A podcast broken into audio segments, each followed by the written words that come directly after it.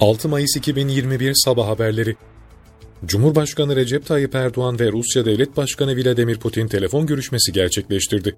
İki lider COVID-19 ile mücadele ve Sputnik aşısının tedariği konularını ele aldı. Yeni tip koronavirüsle mücadele kapsamında başlatılan aşılama sürecinde 5 ay geride kaldı, 24 milyon dozdan fazla aşı yapıldı. Aşı tedariğine yönelik çalışmalarsa sürüyor. Bugüne kadar Çin'le 100 milyon, Almanya ile 90 milyon, Rusya ile de 50 milyon dozluk aşı anlaşması yapıldı. Ayrıca Rusya, Türkiye'de ortak aşı da üretimi için de anlaşmaya varıldı. Türkiye'de son 24 saatte 229.491 COVID-19 testi yapıldı, 26.476 kişinin testi pozitif çıktı, 356 kişi hayatını kaybetti, hasta sayısı 2.414 oldu. Dün 35.464 kişinin COVID-19 tedavisinin sona ermesiyle iyileşenlerin sayısı 4 milyon 589 bin 501'e yükseldi. Toplamda test sayısı 48 milyon 459 bin 224'e ulaştı. Vaka sayısı 4 milyon 955 bin 594, vefat sayısı 41 bin 883, ağır hasta sayısı 3 bin 418 oldu.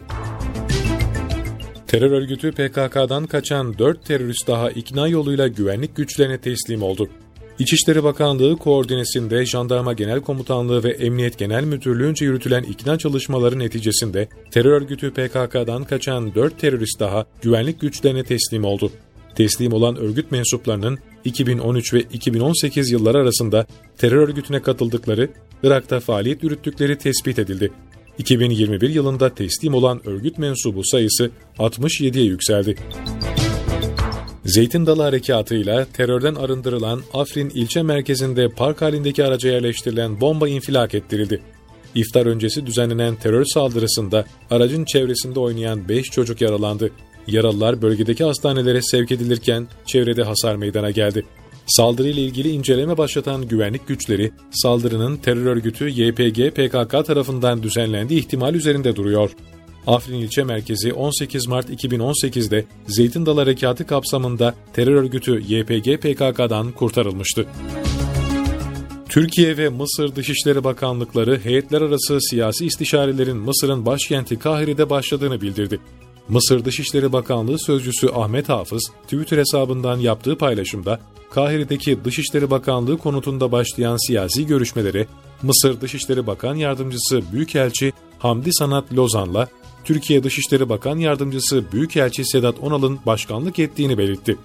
Dışişleri Bakanı Mevlüt Çavuşoğlu, heyetin bakan yardımcıları düzeyinde olacağını, daha sonra kendisinin Mısırlı mevkidaşıyla görüşebileceğini belirtmişti. 12 milyon 700 bin emekliye Ramazan bayram ikramiyelerinin ödemeleri bugün başladı. Yasal düzenleme ile emekli bayram ikramiyesi 1100 liraya yükseltilmişti. Bu kapsamda 2021 yılı Ramazan bayram ikramiyesi bayramdan önceki hafta ödenecek. Ödenecek toplam ikramiye miktarı 12 milyar 300 milyon lira olacak. Çalışma ve Sosyal Güvenlik Bakanı Vedat Bilgin, SSK emeklilerinin bugün, emekli sandığı ve Bağkur emeklilerinin ise yarın bayram ikramiyesi alabileceklerini söyledi. Buna göre banka şubeleri müşteri kabul saatlerini 6, 7, 10 ve 11 Mayıs'ta saat 09.12.30 ve 13.30-16.30, Arife günü olan 12 Mayıs'ta saat 09.12.30 olarak belirleyebilecek. Diğer günlerde şubelerde 10-16 saatlerinde hizmet vermeye devam edilecek.